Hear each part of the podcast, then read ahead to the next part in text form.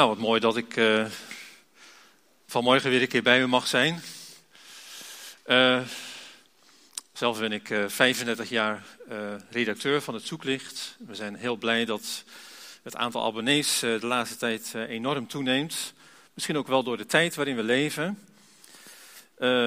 ik ben ook 20 jaar predikant geweest van de Vrije Baptistengemeente in Enschede.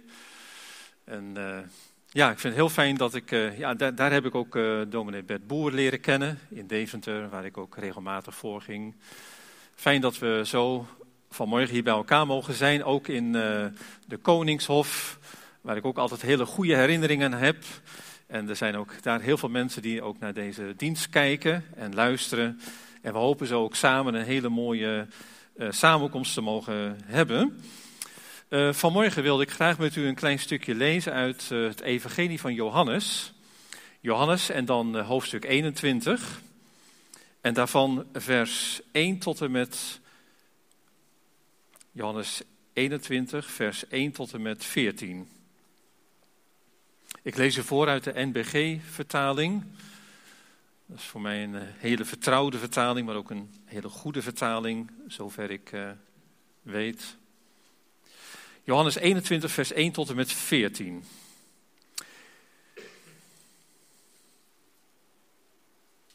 Het is altijd heel mooi om te zien, ik weet niet of je dat wel eens gedaan hebt, om eh, de verschillende evangelisten, Matthäus, Marcus, Lucas en Johannes, met elkaar te vergelijken.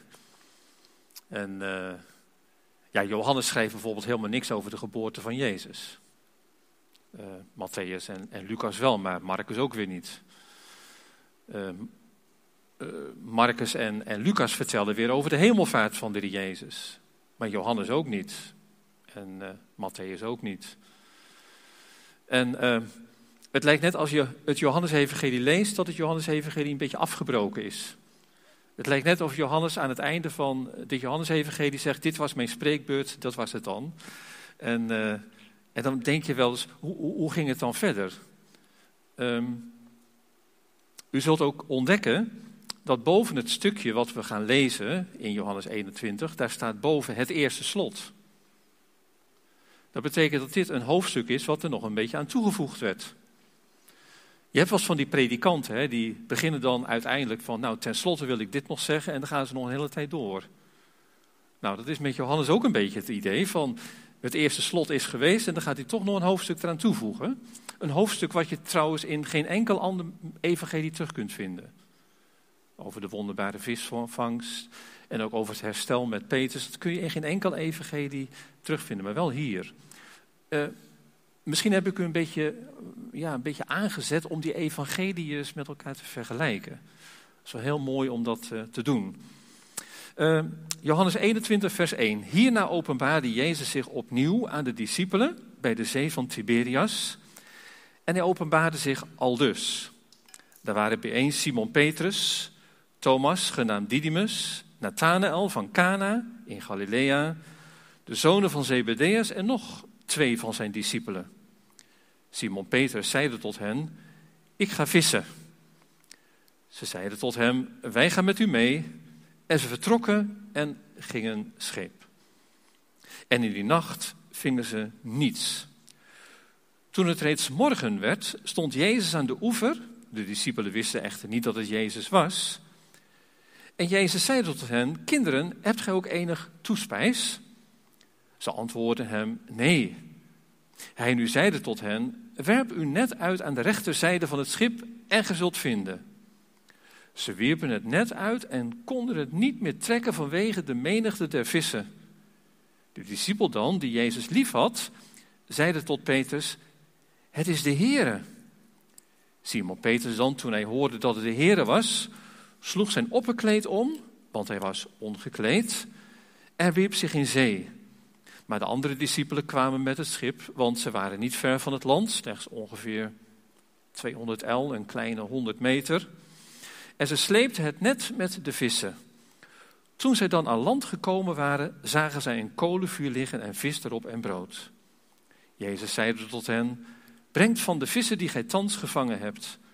Simon Petrus ging aan boord, sleepte het net aan land vol grote vissen, 153. En hoewel er zoveel waren, scheurde het net niet.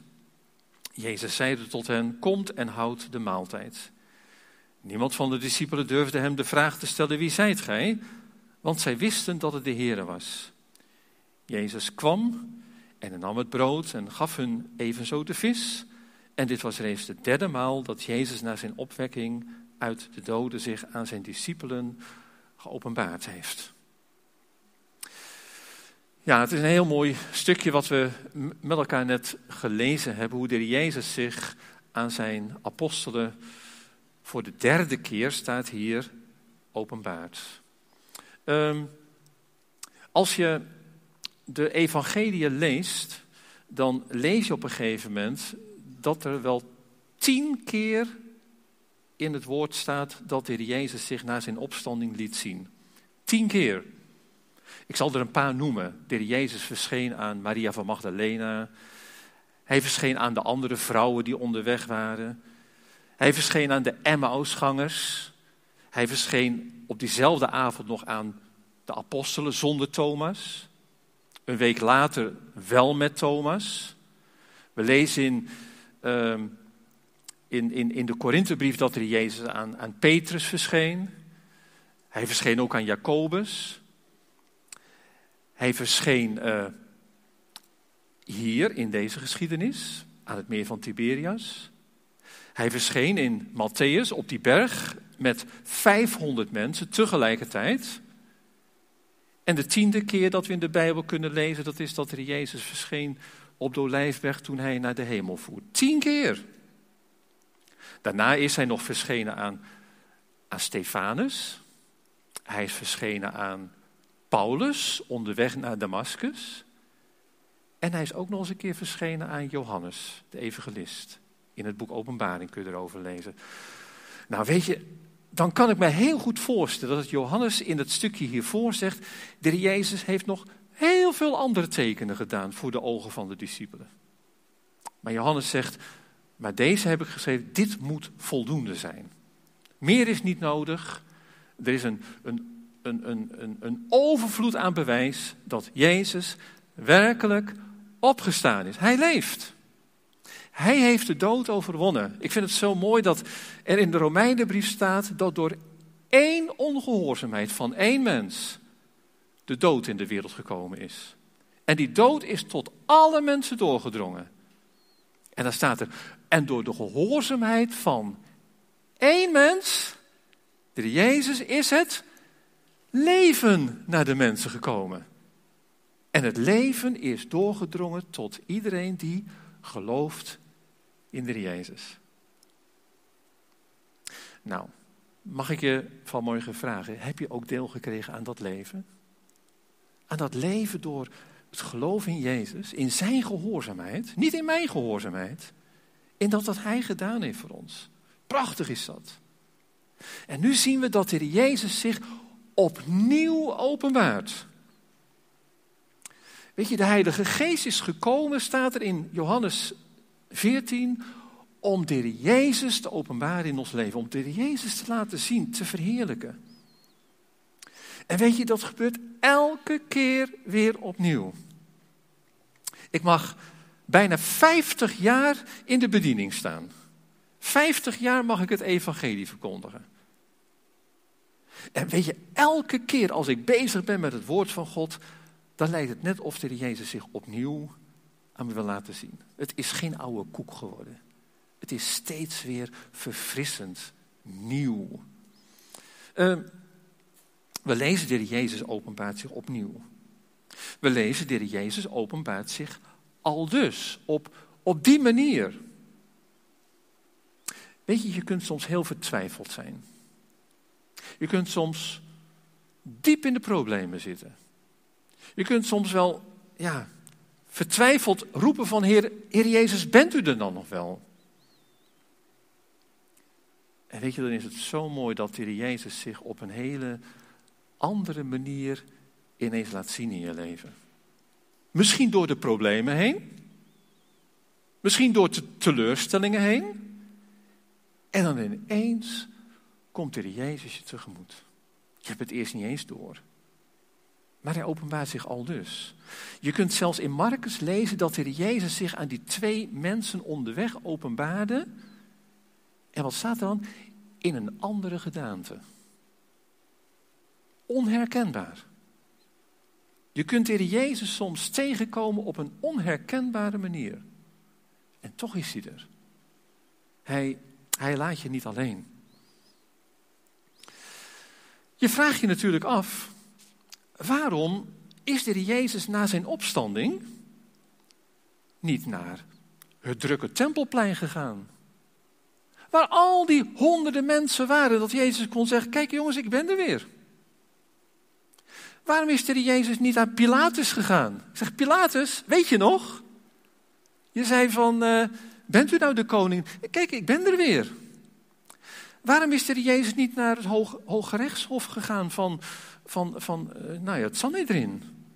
Waarom is hij niet naar Caiaphas gegaan of naar een van de andere hoge priesters?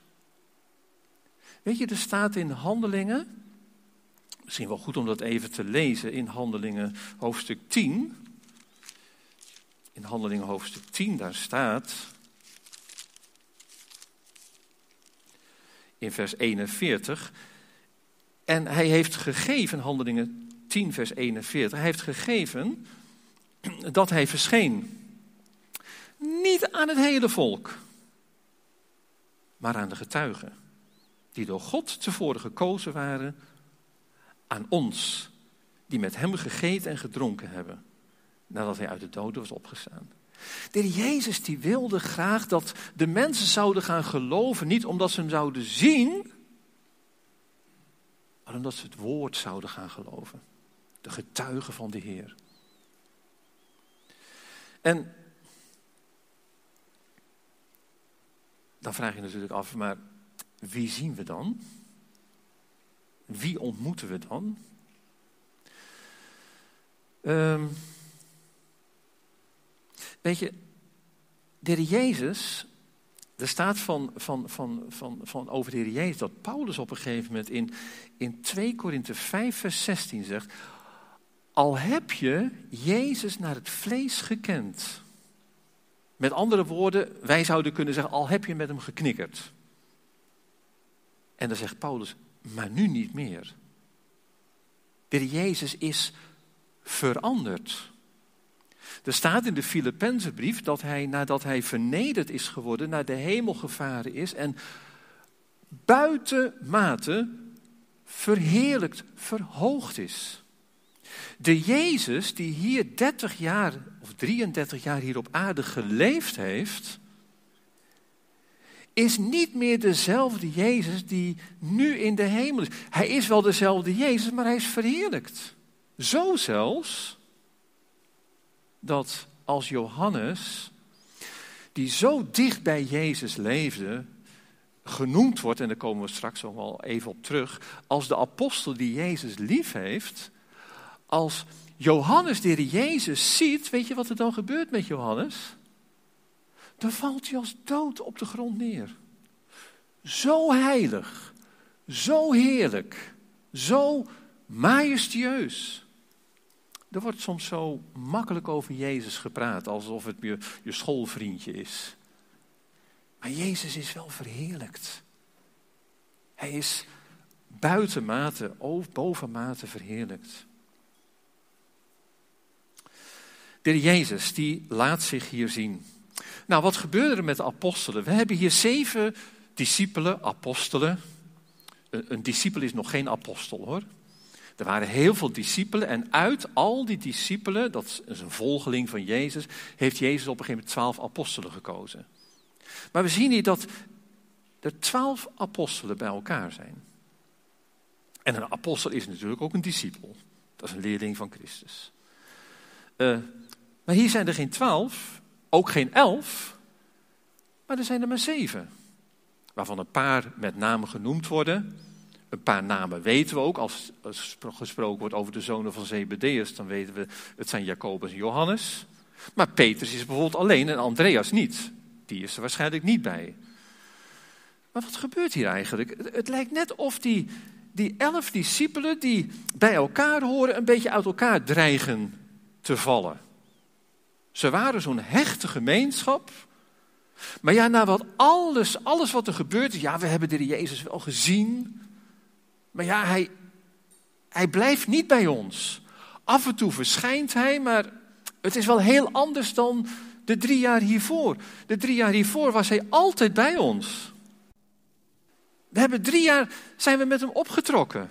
En nu, ja, het is zo onzeker geworden. Waar is hij nou? En het is maar afwachten of we hem nog eens een keer zien. En, en dan zie je die vertwijfeling bij deze discipelen, deze apostelen, die zeggen: Wat moeten we nou? In de evangelie lees je dat de Jezus al direct gezegd heeft: Ik ben levend geworden, maar weet je, ik, ik wil graag dat jullie naar Galilea weer teruggaan. Het werk hier in Jeruzalem is klaar. Aan het kruis heeft Jezus geroepen: Het is volbracht. Het lijden is volbracht. De opstanding is geweest. Hier in Jeruzalem is mijn werk voltooid. Gaan we weer terug naar Galilea. Nou, dat deden ze dus kennelijk niet. Want ze bleven in Jeruzalem. En de week daarna waren ze nog weer in Jeruzalem. Ga naar Galilea. Nou, uiteindelijk zijn ze naar Galilea gegaan. En de Jezus had zelfs gezegd: naar de berg waar ik jullie afgesproken heb, de berg. En misschien zou dat wel de berg van de zaligspreking kunnen zijn. Naar die berg, daar moeten jullie naartoe. Nou, daar gaan er een paar op weg. Met z'n zevenen zitten ze daar, eh, zijn ze daar in, in Galilea terechtgekomen, in de buurt van die berg. Ja, wat moeten we nou doen? Uh, we moeten maar eens afwachten of Jezus zich aan zijn afspraak houdt. En weet je, dan komt het moment, dat vertwijfelde moment van, moeten we dan toch maar weer gewoon het oude leven oppakken? Moeten we gewoon maar weer dat doen waar we mee bezig waren voordat we de Jezus leren kennen? En dan zegt Petrus, jongens, we gaan vissen. En hij krijgt ze alle zes mee. En met z'n zevenen gaan ze met elkaar vissen. Um, maar, nou komt er iets heel belangrijks. In dat meer, waar zoveel vissen zitten, wat stikt van de vissen, zie je dat ze de hele nacht aan het vissen zijn en ze vangen niks. De netten blijven leeg. Ik, ik, ik zeg soms wel eens, wat is nou het grootste wonder? Is nou het grootste wonder dat ze dat, dat net aan de andere kant gooiden en, en het was vol? Of is het het grootste wonder dat ze de hele nacht aan het vissen zitten en al die vissen die zwemmen om die netten heen en ze vangen niks? Dat is ook een wonder. De netten blijven leeg. Nou, weet je, misschien ervaar jij dat ook in jouw leven nu op dit moment. Je had er zoveel van verwacht, maar het is zo teleurstellend. Had een mooie baan gekregen. Je dacht, nu is het. En je denkt, het is het niet. Je had zoveel hoop in het gezinsleven. Als je nou kijkt naar je gezinsleven. Ik raak mijn kinderen kwijt. Ik heb geen aansluiting meer met mijn kinderen. Het gaat niet goed met mijn huwelijk. Er zijn zoveel dingen waarvan je denkt van, dit was niet de bedoeling mijn netten blijven leeg. Het is allemaal voor niets. Het heeft niks opgeleverd. Als je nou zo naar je leven kijkt, zou dat er ook op toepassing kunnen zijn, van toepassing kunnen zijn op jouw leven? Teleurgesteld? Hoe zou dat dan komen? Ik heb me wel eens afgevraagd, hoe kwam het dat de netten van deze apostelen, deze beroepsvissers, want dat waren ze voor het grootste gedeelte die hier genoemd worden. Leeg bleven. Nou, weet je, ik kan, kan drie dingen aanwijzen. Die misschien ook van toepassing zijn op ons leven. In de eerste plaats dit. Ze gingen terug naar de plaats waar de Heer hen juist vandaan geroepen heeft. Kijkt u maar in Lucas, Lucas hoofdstuk 5, vers 11. In Lucas hoofdstuk 5, vers 11.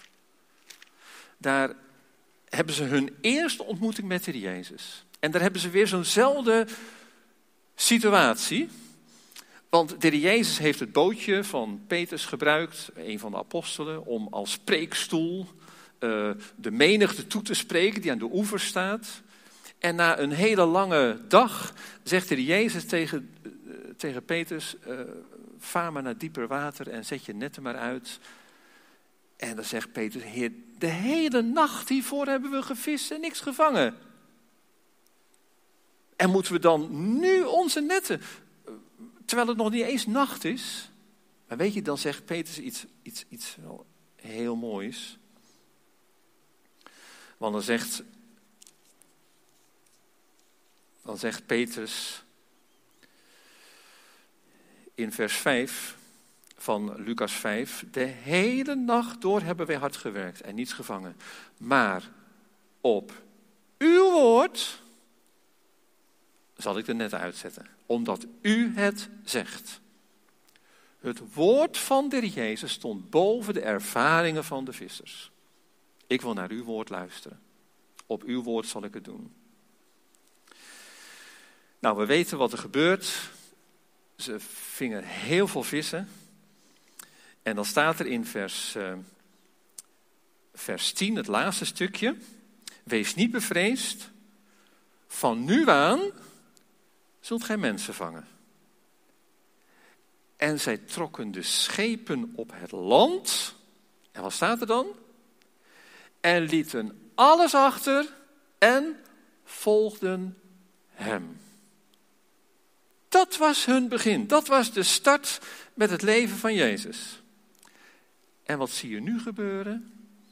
Ze gaan notabene weer terug naar dezelfde plaats waar de Heer hen vandaan geroepen heeft. En ze pakken hetzelfde beroep weer op, want ja, de tijden zijn veranderd. Denk je dat God jouw leven zo kan zegenen?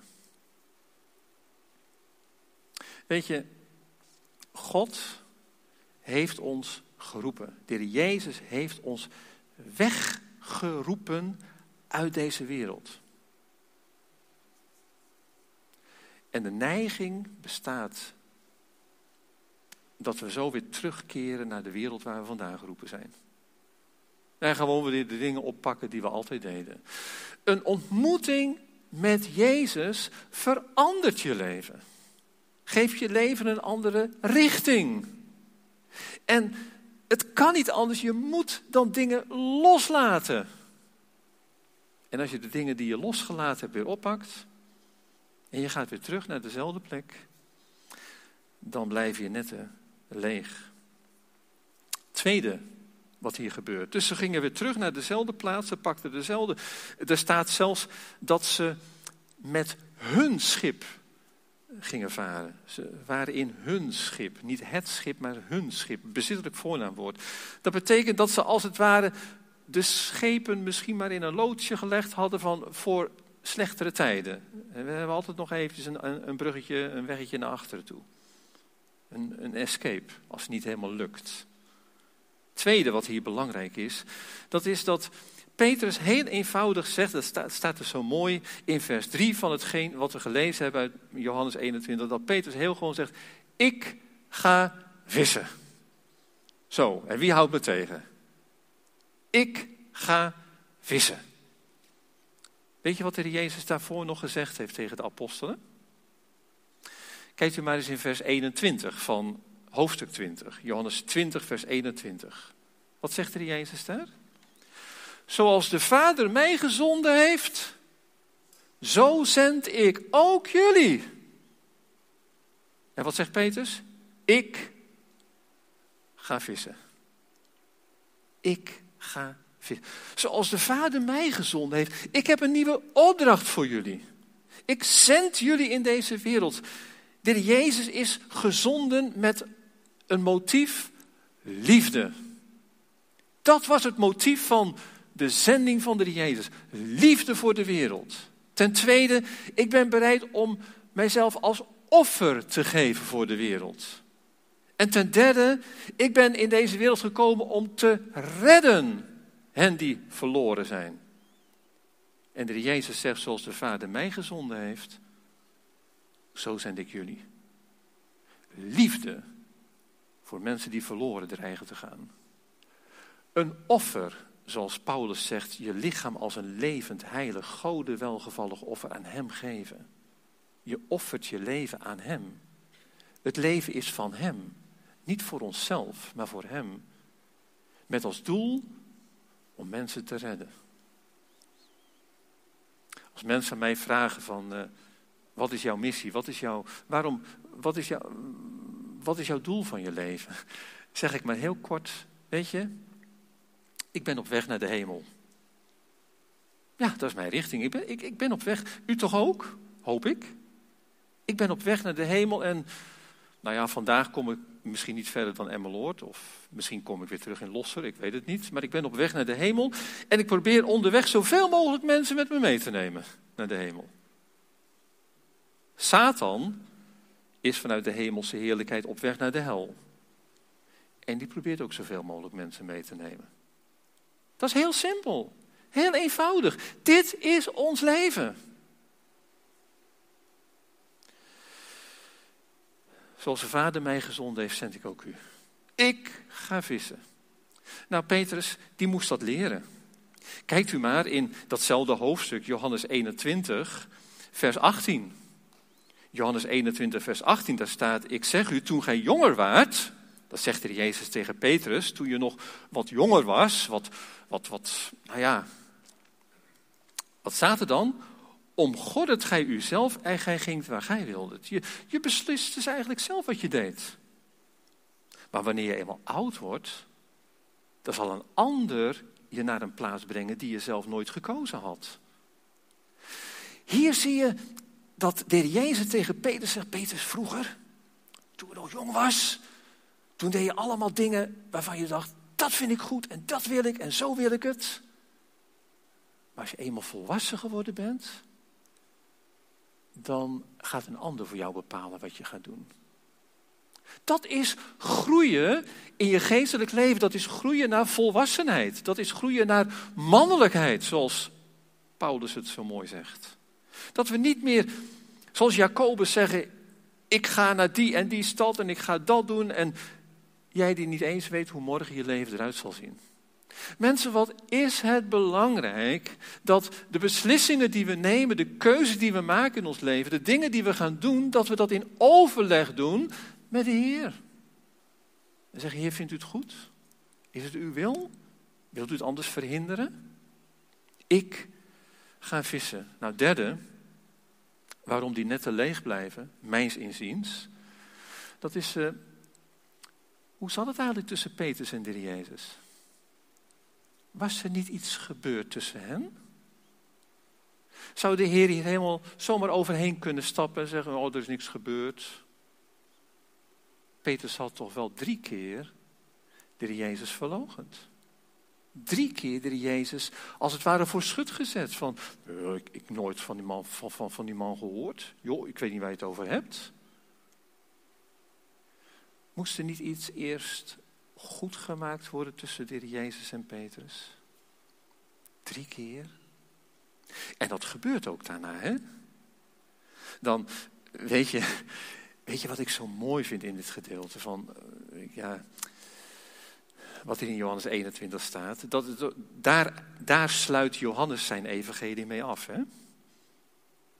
Dat het weer goed komt tussen de Jezus en, en Petrus. Van wie gaat het uit, dat herstel? Als, als ze samen zo, zo, zo om dat vuurtje zitten en ze eten wat met elkaar, gaat Petrus dan naar de Jezus toe en zegt, Jezus, ik, ik, moet toch even wat, wat, wat recht zetten. Gaat het van Petrus uit? Nee hè, het gaat van Jezus uit. Niet Petrus begint met dat herstel, maar Jezus die stelt hem de vraag van Petrus, joh, je hebt gezegd dat jij mij meer dan wie dan ook lief hebt, maar, maar is het nou wel zo? Hou je wel echt van me? Tot driemaal toe. En weet je, als Petrus dan zegt, Heer, u weet hoe ik u lief heb. U, kent alles, u weet alles. U weet mijn falen, u weet mijn drie keer verlogening. U, u weet het allemaal, zegt Petrus. Ik kan alleen maar zeggen, ik hou van u. Is het dan zo dat Petrus en Jezus elkaar omarmen en een huk geven? En dat zouden wij doen, hè? Maar Jezus niet. Wat doet Heer Jezus? Tot driemaal toe geeft Heer Jezus aan Petrus een opdracht. Wijd mijn schapen, wijd mijn lammeren. Hoed mijn lammeren. Weet je, de Jezus die stelde direct vertrouwen in Petrus. Hij zegt, Petrus, alsjeblieft, hier heb jij een hele belangrijke taak. Je zou kunnen zeggen, Petrus, jij mag een hoofdrol spelen in het begin van de gemeente. Ik weet nog goed dat ik een keer uh, voor mijn vader uh, een boodschapje moest doen. Had een spiksplinter nieuwe auto. En uh, hij zei, neem de auto maar mee en ga maar even daar wat halen. Ik moest bij een boerderij zijn. En het was voor een zomerkamp. Een paar zakken aardappelen moest ik meenemen. En ik reed het erf van die boerderij uit. En er stonden twee hele grote betonnen palen bij de oprijlaan. En ik nam de bocht te krap. Vreselijke deuk in de deur aan de rechterkant van de auto. Ik weet nog zo goed. En toen kwam ik terug bij mijn vader in de straat waar hij woonde. Ik dacht, nou laat ik maar van die kant de straat in rijden, dan kan hij die deuk niet zien. Dus ik zet de auto zo neer en nou ja, ik kwam bij mijn vader thuis. Is het gelukt? Ja hoor, het is gelukt. Alleen, ik moet je wat vertellen, ik heb een deukje gemaakt in de auto.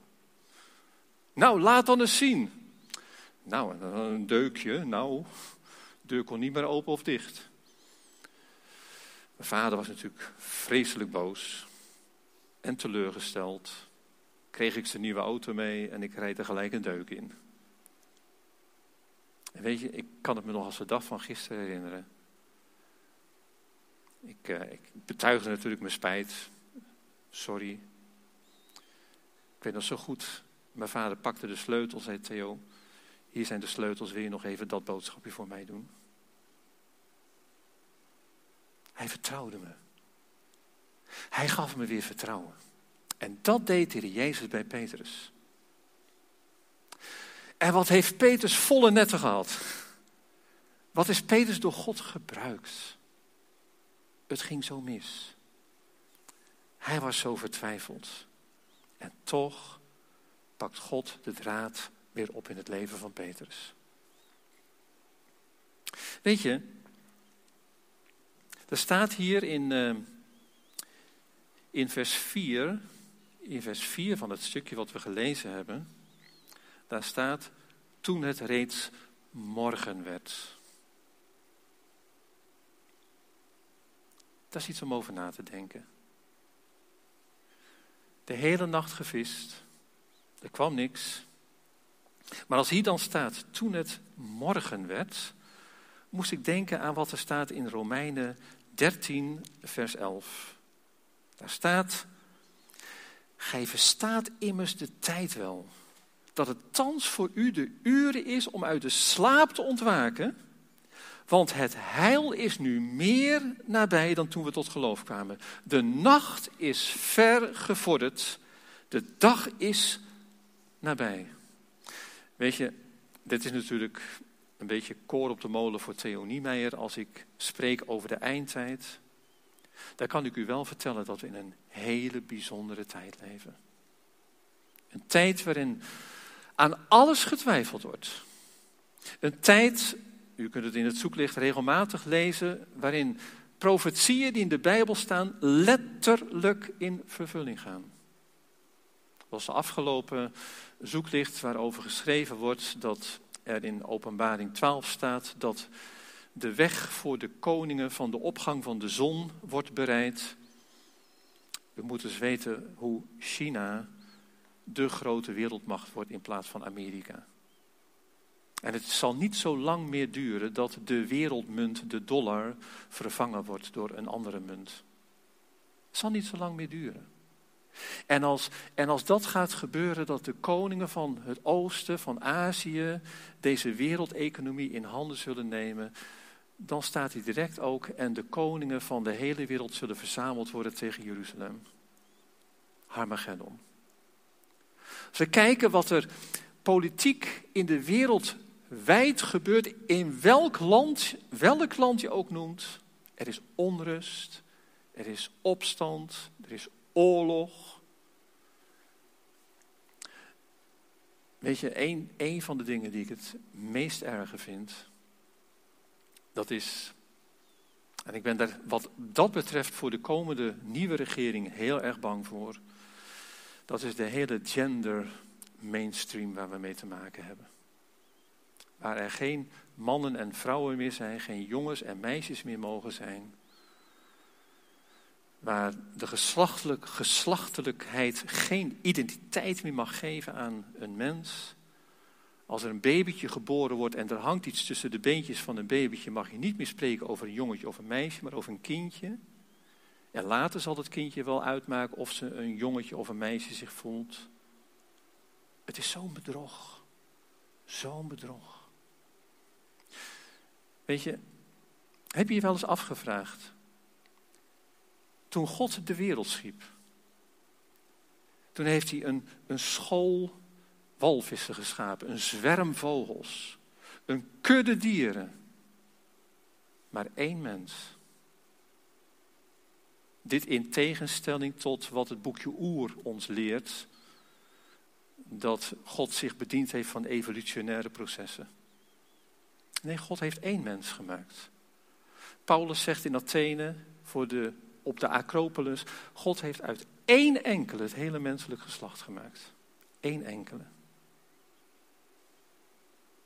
Het zou toch vreselijk zijn als je het geslachtsregister van de Jezus door zou moeten gaan en, en dat het niet bij Adam zou stoppen, maar dat het bij een een of andere gorilla zou stoppen. Geslachtsregister van Jezus. Nee, het stopt bij Adam. Uit één enkele. Maar waarom heeft God niet een volkje mensen geschapen? Waarom niet gelijk een heel volk? Bijvoorbeeld de Nederlanders. Waarom maar één mens? Omdat God, en dat hebben we net ook gezongen, omdat God de mens geschapen heeft naar zijn gelijkenis, naar zijn beeld. En hoeveel goden zijn er? Er is maar één God. En toen heeft God aan die ene mens het cultuurmandaat gegeven om zich te vermenigvuldigen, om vruchtbaar te zijn, om deze wereld te vullen. Kon die ene mens dat? Nee. Daarom zei God, het is niet goed dat de mens alleen is. En toen heeft God niet naast Adam nog een tweede mens geschapen, een vrouwmens. Nee, dan zou je twee mensen hebben. Dan zou de mens niet het beeld van God zijn. God heeft één mens gemaakt. Maar dan zie je dat God Adam laat ontslapen, staat er letterlijk, in een diepe doodslaap terechtkomt. Dan wordt de zijde van Adam geopend en uit Adam maakt God een vrouwmens. Anders. Man en vrouw heeft hij geschapen. Anders, de man als de, misschien fysiek gezien de gevende, de vrouw als de ontvangende. Vandaar dat God ook in de Bijbel een vader genoemd wordt, een gevende. En de moderne theologie wil van God ook een moeder maken, een vrouw maken. Nee, man en vrouw zo fysiek geschapen dat ze samen weer één kunnen zijn. En de hele gender mainstream, waar we vandaag in terechtgekomen zijn, wil van, die, die wil daarvan af. Die wil niet meer dat de man en de vrouw anders zijn. Die, het gaat rechtstreeks in tegen de scheppingsorde van God. Zoals God het bedoeld heeft. Het is een opstand van de hoogste orde tegenover God.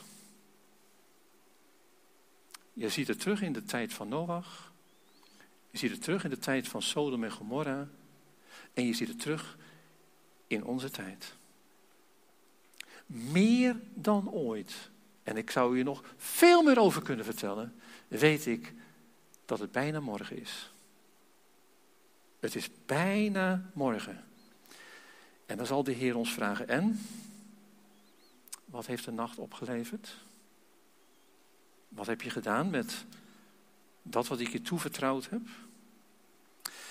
Weet je, dan zegt de Heer maar één ding. Gooi je net uit aan de andere kant. Nu kan het nog. Nu kun je je leven nog over een andere boeg gooien. Nu kun je nog verandering aanbrengen in, in deze tijd waarin we voor de Heer iets mogen doen. Ga niet terug naar de plaats waar God je vandaan geroepen heeft. Ga niet je eigen leven inrichten zoals jij het wilt, maar vraag het aan Hem. Wees ervan overtuigd dat er tussen jou en God niks in zit, maar beleid je zonde. En weet je, dan gaat God je netten vullen. En dan ga je ervaren wat hier staat toen die netten vol waren met vissen, dat je op een gegeven moment dan kunt zeggen, het is de Heer. Het is de Heer die dit doet in mijn leven. Ik doe het niet, maar ik mag ervaren dat Hij, zoals Jezaja dat ervaren heeft, dat God Jezaja ging gebruiken in zijn dienst, zoals Hij u en mij ook wil gebruiken. En dan zegt de Heer maar één ding. Joh, in wezen had ik je niet eens nodig.